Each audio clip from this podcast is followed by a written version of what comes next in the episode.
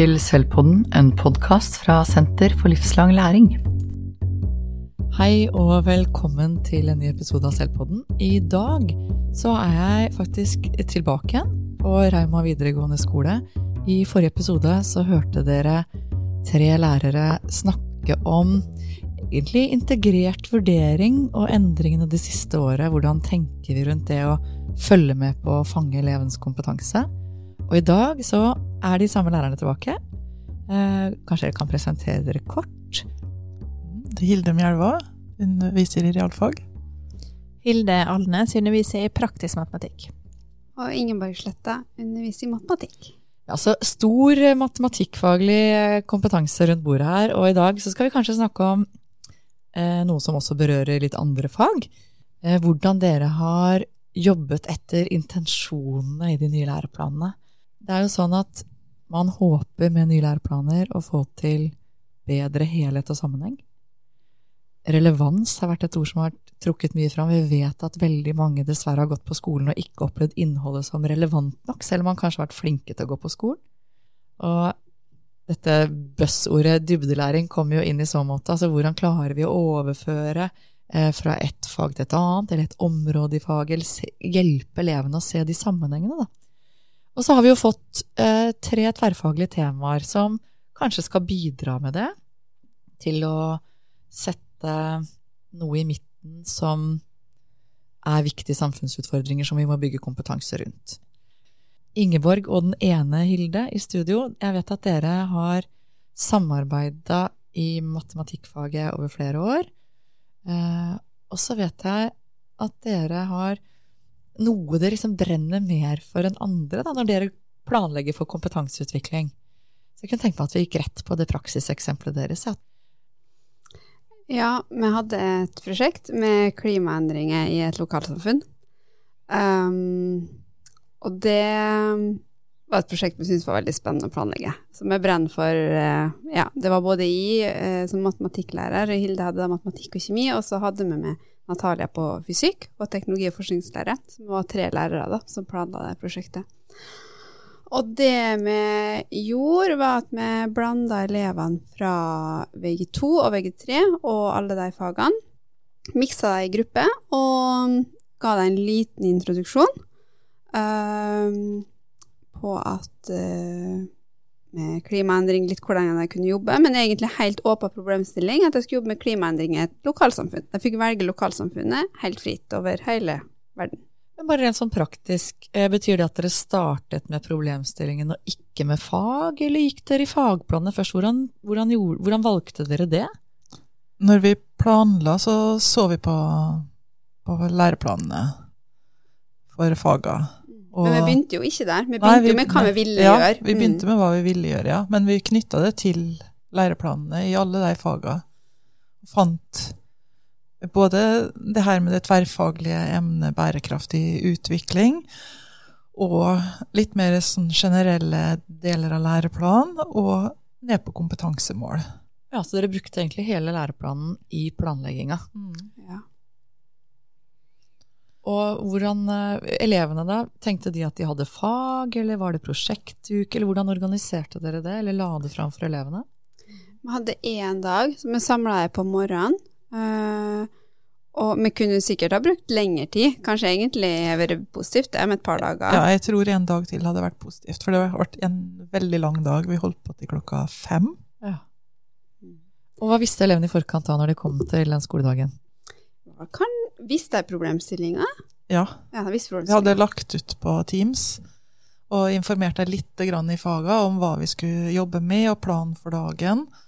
Og at det ble blanda på tvers av trinn. Og at jeg måtte jobbe i gruppe med å samle inn informasjon på et eller annet vis, enten fra internett Noen valgte kanskje Arktis som eh, sitt lokalmiljø. Og da er det ikke så greit å gjøre målinger sjøl. Kan vi, kan vi, før vi går i de detaljene, kan vi høre litt mer om problemstillinga elevene fikk? Eller for nå har dere sagt temaet var Og det var problemstillinga. Ja, det var, det var problemstillinga. Så mm. problemstillinga var mm. egentlig et tema. Ja. Klimaendringer i lokalsamfunnet. Ja. ja, og så skulle de også da se på ulike scenarioer. Og mulige løsninger da, Ja. for det her litt, se litt fram i tid. Så de skulle undersøke egentlig hvordan situasjonen er i dag, og se fram i tid. Hva, um, hvordan skulle de trekke inn fagene i dette, da? Hvordan, hvordan sikra dere det? For da blir jeg litt nysgjerrig på hva hadde de med seg av kompetanse inn?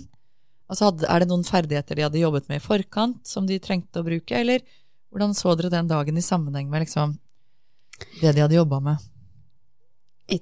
Tenker nå egentlig at alt jeg har jobba med i fagene er relevant til en sånn dag, men Ja. at det ikke er så veldig mange spesifikke biter de må innom, eller de må bruke av matematikken, det er ikke så viktig. Men det at jeg kan, f.eks. i matematikk, som jeg gjør, da, at jeg kan se at jeg bruker matematikk, at matematikken spiller en stor rolle for å løse store eh, problemstillinger som vi står overfor i dag, det er veldig viktig. Eh, og samme andre fagene. Um, vi hadde jo noen sånne små punkter som jeg skulle innom, men uh, vi var ikke så veldig opphengt i.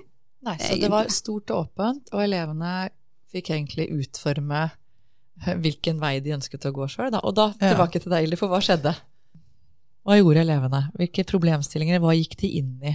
Du sa, du, jeg stoppet deg Ja, i stad når du mm. begynte å snakke om Arktis, for jeg bare måtte ha litt mer bakgrunn. ja, for det var noen bakgrunn. som ville se på, på klimaet i Arktis, Ja. og hva som hadde skjedd litt over tid, og noen ikke, kanskje ikke så mye framover, noen så litt tilbake i tid også, hvordan det har endra seg.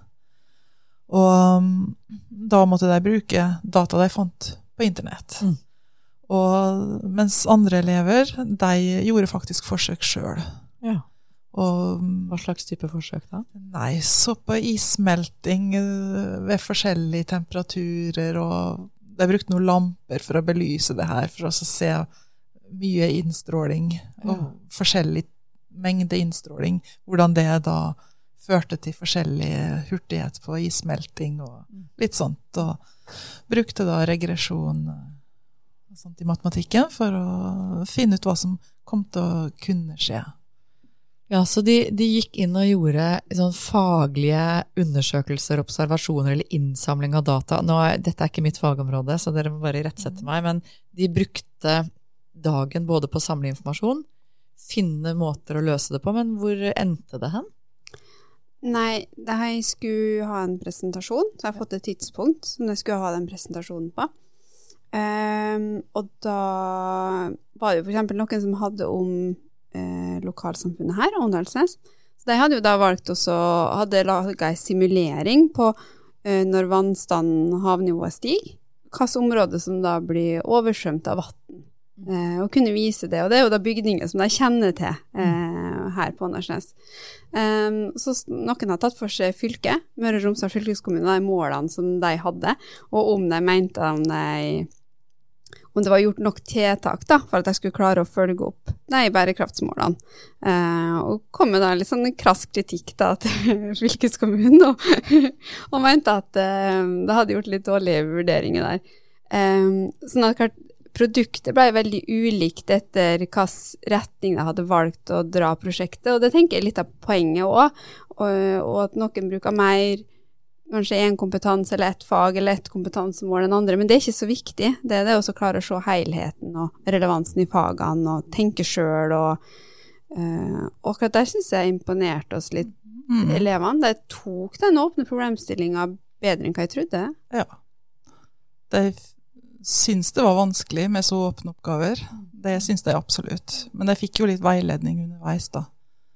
I forrige episode så snakket vi litt om det der med hvordan eh, legge til rette for kompetansebygging, og da eh, nevnte du at noen elever ønsker prøver, og nå sier du at elevene syns det er litt vanskelig med åpne oppgaver. Eh, Hvis vi tenker intensjonen i de nye læreplanene, eh, hvorfor tenker dere at denne tilnærmingen med så åpne oppgaver er viktig? For jeg opplever at dere sier at det er viktig. Um, for at elevene skal kunne påvirke sin egen lærerhverdag, uh, føle at de kan være med å bestemme, men òg at de skal lære å vise kompetanse i kjente og ukjente sammenhenger. Og da må de jo få noen ukjente sammenhenger da, å vise kompetansen på. Uh, men så stort prosjekt som dette her, og så åpent, det er jo litt fordi at det er sånn eh, utfordringen er i samfunnet.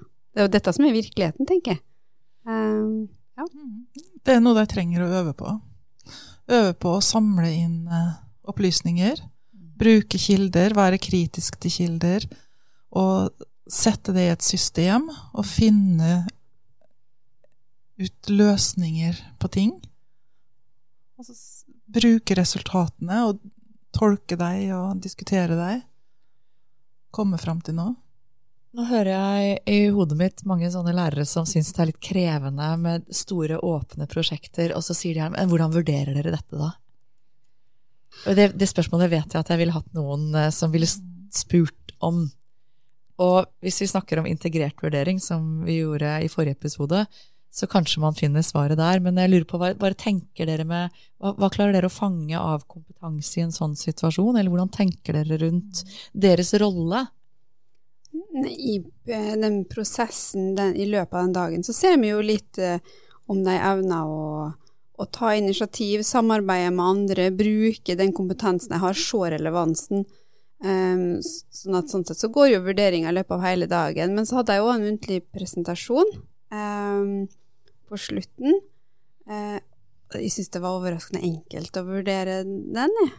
Um, Ja, fikk de karakter, liksom? Fikk de tilbakemelding? Vi Hvordan Vi sa litt tilbakemelding, og så sa vi om det lå sånn eh, på middels eller høyt. På hvilket nivå de hadde klart å vise kompetanse? Ja. Mm. For da blir det et, et sånn type stopp, da. Ja. Vi hadde jo også lagd et utkast til noen slags vurderingskriterier ut fra kompetansemåla og læreplan på forhånd, som også var kjent for elevene på forhånd. De sa at de kunne bruke dem for, for å se litt En eller annen retning. Ja. Ja. Mm, ja. Jeg kjenner det lugger litt i meg nå når jeg stiller spørsmål som handler om sånn, blir det vurdert? Fordi jeg tenker jo at alle læringssituasjoner eh, gir oss informasjon om hvordan elevene tenker, og de uttrykker det på forskjellige måter. Så misforstå meg rett, jeg mener ikke at man skal ha vurderingssituasjoner for å lære noe om elevene. Men jeg bare tenker i en sånn situasjon så er det litt komplekst når det er på tvers av fag, eh, flere problemstillinger, elevene kan velge selv, men det er kanskje ikke så farlig. For det er jo ikke sånn at denne dagen er eksamen, eller denne Dette er jo på en måte bare et skritt i deres læringsprosess, så det er kanskje ikke så viktig akkurat hvor eh, systematisk vi klarer å fange alle sider ved all kompetanse i akkurat den dagen. Nei, og det jeg syns kanskje var fint, det er at ja, det ble én dag. Vi ønska oss egentlig Det kunne vært to, det hadde vært bedre både for oss og elevene, for, i hvert fall for vurdering. Men eh, selv om vi hadde forskjellige fag, og det ikke var direkte inn i et fag, så tenker jeg at elementer av det de gjorde, det kan vi ta med oss videre, og så kan vi utdype det seinere. Sånn, det er ikke så farlig om vi ikke fikk gjort så mye i hvert fag. Nei, og jeg vet jo at eh, noe av det som jeg hører lærere sier, er at de nye læreplanene, og kanskje spesielt i matematikk, at det er litt store, åpne, ulne kompetansemål. Og de syns det er litt vanskelig. Eh, kan dere si litt hva dere tenker rundt det? For at, vi skal jo vise en retning. Du sier at dette tar med meg videre, vi bygger kompetanse, dette er ett stopp på veien. Eh, hva tenker dere om det? det at vi har innhold som er åpent i læreplanen. Vi har ganske lukket hva vi skal gjøre med det. Hva vi skal utforske, hvordan vi skal resonnere, ikke sant. Um, hva tenker dere om det? Jeg tenker at eh, de kompetansemåla som er, de kan jeg dele inn i tema. Og så jobber vi med ett tema av gangen, sånn fra høsten av. For å få inn teori og få inn forståelse og begreper og alt sånt for elevene. Og så setter vi deg sammen sånn gradvis. Sånn at det blir en helhet til slutt. Ja, og eh, jeg har hele tiden disse kompetansemålene er jo veldig de er veldig store og åpne, og kan være liksom vanskelig å, å få fatt på med en gang når du begynner med men samtidig så gir det jo en veldig stor frihet da, i måten du kan jobbe på, og det er det, jeg tenker at du må ta med seg det som er positivt her, det legger egentlig et sånt gulv hvor du skal begynne hen, det gjør de, de fleste kompetansemålene, du skjønner litt hvor du skal starte hen, men det gir egentlig ikke et mål hvor du skal komme, det bare sier retning du skal jobbe. Eh, og det gjør jo at du kan, du kan dra faget litt i den retninga du vil, eller det kompetansemålet. Du kan legge til rette for ulike elever. Eh, Tilpassa opplæring ligger jo da i hvert enkelt kompetansemål. Um, Sånn at ja, det er vanskelig å lese et kompetansemål og sier at akkurat det og det og det er innafor der, men samtidig så har det noe veldig positivt ved så, da. Ja, det gir mange muligheter. Ja, veldig mange. Mm. Kan jobbe litt mer sånn som du vil, da. Litt sånn som dette her, dette prosjektet, eller at du kan legge øh, vekt på ulike deler av faget. Uh, ja. Og hvis vi avrunder den praksisfortellingen der, uh, sånn helt til slutt uh, så høres det jo ut for meg, for dere, eh, si om dere er enige eller ikke, at eh, elevmedvirkningen her, eller elevinvolveringen her, dere la rammene, og så har de muligheten til å komme med eksempler, som du sa. Noen valgte Arktis, mm. noen valgte Åndalsnes, og der ligger det å gjøre innholdet relevant, da. Det at elevene kan få være medvirkende der til å bestemme innhold, istedenfor at dere hadde forklart dem 'hit skal du', eksempel. Så kan de finne ut av det sjøl. Ja, absolutt. Og så kan jeg jo da fokusere på kanskje et område jeg har lyst til å reise til, eller noe jeg har lyst til å lære mer om, eller ja.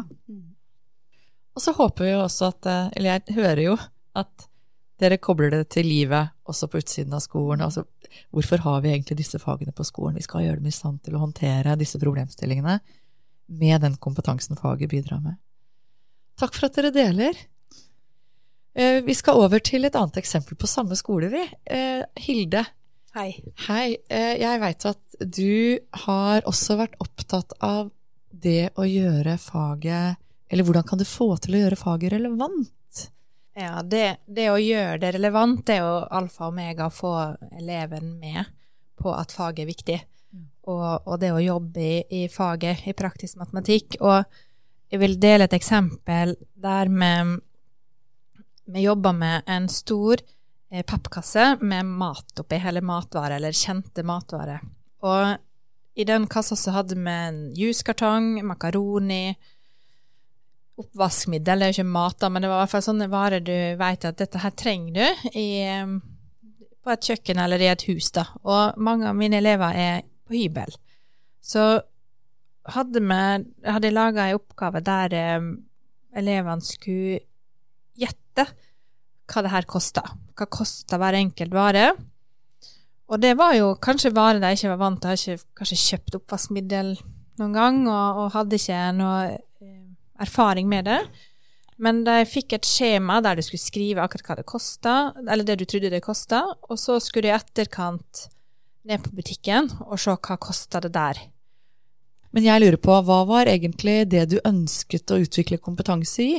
Bare for de som ikke kjenner situasjonen. Hva var temaet, hvordan reagerte elevene på det? Ja, det sånn i en, det temaet vi jobba med eh, i matematikk, det var i høst, og vi jobba med overslagsregning eh, og, og, hvorfor vi bruker det i utgangspunktet. Det var et tema. Men, men i det store og hele så trekker jo inn egentlig alltid i matematikkfaget det med livsmestring. At vi prøver å og se det her skal du bruke i voksenlivet eller i yrkeslivet. Og det, det gjentar de veldig ofte for at de skal kjenne at ja, jeg har bruk for det her. For jeg tror mange av elevene mine har tenkt at matematikk det kommer jeg aldri til å få bruk for, og så har de kanskje ja. hørt hjemme. Og, og, det, det vil jeg ha, ha, bort, da. Sånn at vi snakker alltid om at det her skal du bruke når du blir voksen, eller når du skal ut i yrkeslivet. Så hvis du f.eks. sier at nå skal vi ha om økonomi det vet jeg du sa til elevene dine. Hva ja. skjer da? Ja, det, den erfaringa eh, gjorde meg at jeg sier vi skal ha med økonomi, og så blir de å oh nei, og så redd for at det blir Excel-ark og budsjett. Mm. Men eh, vi kan jo gjøre det veldig praktisk, som å gå gjennom en, en, en kasse med matvarer. Ja. Eh, vi kan nå leke, eh, leike med økonomien da, på en helt annen måte. Så Eh, hvis jeg kan nevne et annet eksempel, da, så, så dro jeg med meg et lykkehjul inn i klasserommet. Og med 24 nummer på. Og fikk alle beskjed om at nå, nå skal vi leke at dere er 20 år eldre, da. Og da skulle jeg snurre lykkehjulet, og det nummeret det landa på, så fikk de et yrke. Og det yrket måtte de utforske, sjekke hva er lønninga, hvor lang utdanning er det, og da hadde jo på forhånd valgt et sånt yrke som passa til det yrkesfaget, sånn at det ikke var sånn hinsides langt unna hva de var interessert i. Men da, da ble jeg jo enormt engasjert i økonomien til akkurat den personen, og fant ut eh, skatt. De triller trille noen terninger altså hvor mange barn fikk du? Så det var, det var litt sånn jubelstemning, da, når du fikk gjort økonomien eh, relevant i forhold til at jeg har fått en jobb som faktisk kunne tenke meg, og en lønn. Det jeg hører, er at du bruker mye tid på å lage de rammene for elevene dine som gjør at de kan bli relevante for dem, så de kan koble det til eget liv eller egen framtid. Ja. Tilbake til matkassa. Hva skjedde med den egentlig? For dere, først så skulle du gjette. Ja, i matkassa var det jo forskjellige typer matvarer, eller dagligvarer, da. Og de skulle gjette hva prisene var. Og det ble en liten sånn konkurranse og sånt i, blant elevene der hvem hadde høyest sum, hvem hadde lavest sum, og så gikk de på butikken for å sjekke helt konkret hva kosta det. Og videre fikk de da regne differansen på hva hadde de gjetta, og hva var det, og så kunne du utvikle det til å eh, hvem hadde lavest differanse, eller og, og, de som greide enda mer, de fikk regne ut prosentvise avvik, da, og, og den typen matematikk. Så, så du kunne bruke den til mye. Og det var veldig engasjerende fordi det var matvarer de kjente igjen i, og at de var overraska over hva, hva, hva, virkeligheten var i forhold til det de tenkte, da. Og da handler matematikkfaget plutselig om livet deres? Ja. Så, men matematikk er jo livet, ikke det mattelæreren sier, da. Eh, men, eh, men, det handler jo om å gjøre det relevant og, og tydeliggjøre at, at Eh, det du lærer her på skolen, det, det, får du bruk for i virkeligheten, og i praktisk matematikk så er det jo det. Og, og mm, den matkassa den ble jo brukt videre den i geometrien, sant? at vi kunne finne ut hvor mange kvadratcentimeter var den pappen rundt den jusen og sånn. Så det, den, den, hang med oss litt som et lite tema i vinter, da. Mm. Hele jeg vet at eh, en del eh, matematikklærere, og vi har faktisk en annen episode som snakker om at man skulle brukt konkreter høyere opp, og jeg hører jo at eh, dere bruker konkreter eller konkrete situasjoner som er relevante for elevenes liv. Ja.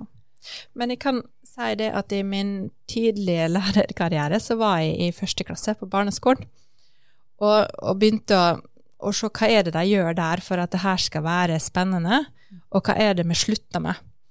Og, og, der eh, var vi helt i begynneropplæringa på tall og på bokstaver. Og, og, det som var veldig spennende, var sånne stasjoner der du jobba praktisk i 20 minutter, og så gikk du videre til neste. Og, og hvorfor ikke bruke det videre? Hva er det som er artig på skolen når du er veldig ung, og hvordan kan vi ta det med videre?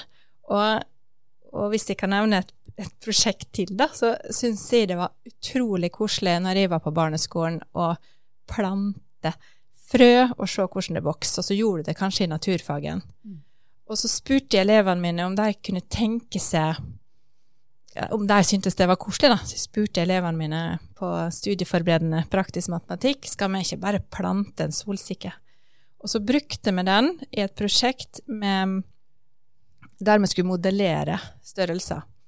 Og vi målte den solsikka titt og ofte. Det var enorm omsorg og engasjement rundt eh, den planten her. Og det var en stor sorg selvfølgelig hvis den ene visna, eller den ene eleven sin plante visna, så vi måtte donere litt fram og tilbake. Men det var et engasjement rundt det, og, og et prosjekt som de Ja, som de, de følte seg De som kanskje syns matematikken er, er, er litt tung, da. De syns det var, var koselig og relevant i forhold til at de ja, for Hvilke ferdigheter var det dere da jobba med å utvikle? Ja, altså, men da, da, var det modellering. Mm. Eh, og det å kunne spå framtida til denne her solsikken. Da. Fordi vi planta jo Ettersom den hadde vokst litt og vi hadde målt den jevnt, så skulle vi bare plante den og ha sommerferie.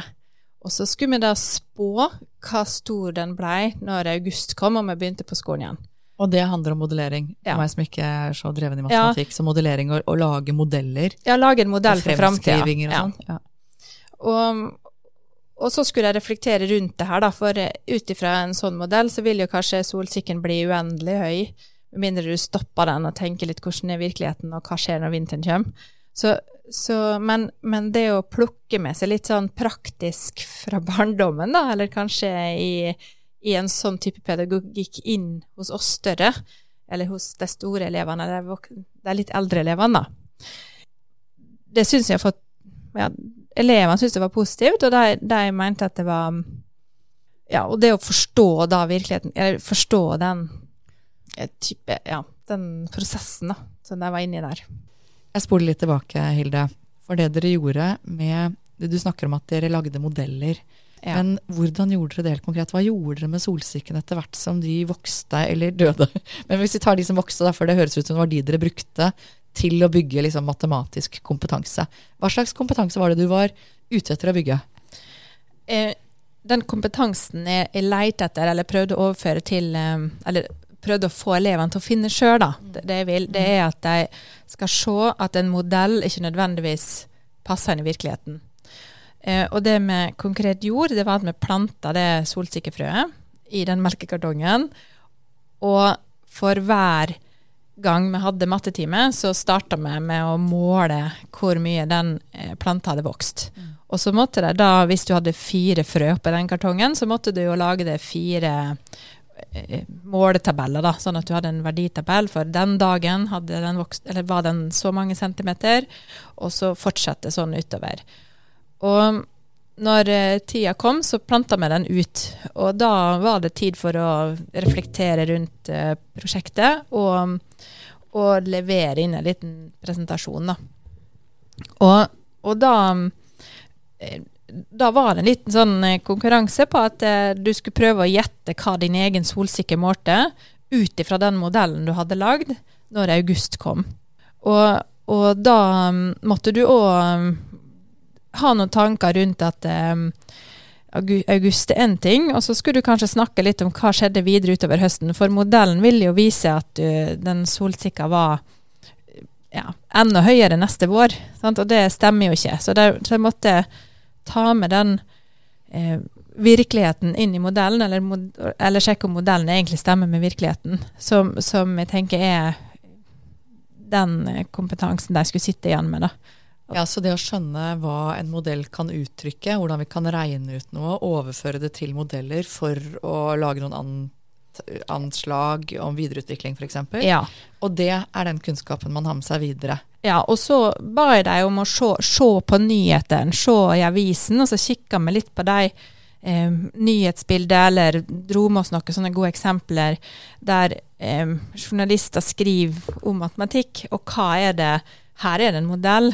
Hva sier den om nå, men hva, hva sier den om nå situasjonen, men hva kan den si videre? Og det med å være kritisk til um, ulike grafiske framstillinger på hva som eh, kan være virkelig, men kan være manipulert virkelighet for at det skal se bedre ut for den ene og den andre situasjonen. Så jeg syns det, det var veldig Det å jobbe med et sånt prosjekt fikk med veldig mange elever, eller alle elevene var engasjert, alle hadde solsikke. Alle, alle greide å se den sammenhengen at min solsikke kommer ikke til å være dobbelt så stor neste vår, den kommer til å dø til høsten. Så sånn er virkeligheten. Og jeg hører jo egentlig at dere snakker om i begge prosjektene som vi nå har fått litt innblikk i, da, eller læringsprosessene, så snakker dere om én eh, situasjon som dere bruker som en konkretisering. Det jeg hører når du sier solsikke nå, er at dere jobber med hvordan kan vi forstå nyhetsbilder fra Ukraina. Ja. Eller hvordan kan vi oppdage falske nyheter? Hvordan kan vi være i stand til eh, at det er, det er ganske langt fra å plante et solsikkefrø til å drive med kritisk tenkning. Eh, men her tror jeg at kjerneelementene kanskje kan være til hjelp. da. Altså det der med Hvilke verktøy er det vi gir elevene for å mestre livet sitt, og hvilken betydning har faget i den store sammenhengen, og hvorfor går vi på skolen egentlig. Så tusen takk for at dere deler eksemplene deres fra Rauma videregående skole. Eh, hvis dere skal eh, gi noen råd eller noen avsluttende refleksjoner til Er det noe dere ikke har fått sagt, eller noe som ikke har kommet fram, noe jeg kanskje burde spurt om? Jeg hører at dere jobber med helheten i læreplanen. Dere spiller på de ulike delene. Det er jo sånn når vi er i klasserommet, eller om vi er ute i skolegården, eller hvor vi er og driver undervisning, så virker jo alle de delene sammen og samtidig. Så det å klare å se på hvilken del er det jeg jobber med nå, for å jobbe med den kompetansen som er når alt virker sammen og samtidig, i det lange løpet. Det spennende tanker om det derre hvor er vi på vei hen, og hva er dette en del av i ikke bare her dette skoleåret, men faktisk også elevenes liv videre. Dere skal gi sånn tips til andre lærere, da, hvordan har dere kommet dit at dere tør å jobbe på denne måten? Um, må prøve, tror jeg. At hvis en prøver det en gang, i hvert fall så har jeg vært sammen med at det blir så innmari artig. Det er så kjekt å se elevene eh, klare å jobbe selvstendig. Eh, og så gir det en sånn ekstra mening for meg som lærer når du klarer å lage eh, et prosjekt som det står om i avisa, kanskje samme dag. ikke sant? Eh, I den nasjonale avisen så sto det jo om klimaendringer og smelting av isbreer når vi jobba med det prosjektet vårt. Eh, og i forhold til solsikkefrø, altså koronahåndteringa, har jo vært en levende bilde på modeller, og at de må endre modellene hele tida på hvor mange er det som ligger på sykehus. Eh, og det er jo fordi at eh, det skjer nye ting, og, da, og det er jo modellering i, i, virkeligheten. Så det gir en ekstra eh, energi, syns jeg, da. Veldig kjekt. Mm, helt enig. Og det her å bruke nyhetsbildet og ta det inn i klasserommet, og samtidig lytte til eleven og bruke de tidligere erfaringene og interessene de har. Ja, også når du, når du er Jeg tenker at vi er jo lærere fordi vi liker å være det. Og vi, vi liker elever, vi liker å finne den eh, dialogen eller det å holde på med noe sammen med dem, og ikke bare stå sånn og øse ut av vår eh, kunnskap. da, men vil egentlig de skal oppdage en litt sjøl. Og, og det å Når jeg synes i hvert fall Når det er noe jeg sjøl syns er artig å holde på med, så blir det litt sånn smitta over på elevene òg. At da blir de litt mer engasjert og, og drar opp armene og, og, og, vil lære mer òg, da. Og det krever jo at dere tør og orker eller har overskudd til å ta imot det elevene kommer med. Og det er jo også kanskje noe vi skal tørre litt mer, og da har vi jo ikke alltid helt kontroll. Tusen takk skal dere ha. Samtalen. Takk for samtalen. Takk for oss. Takk for nå.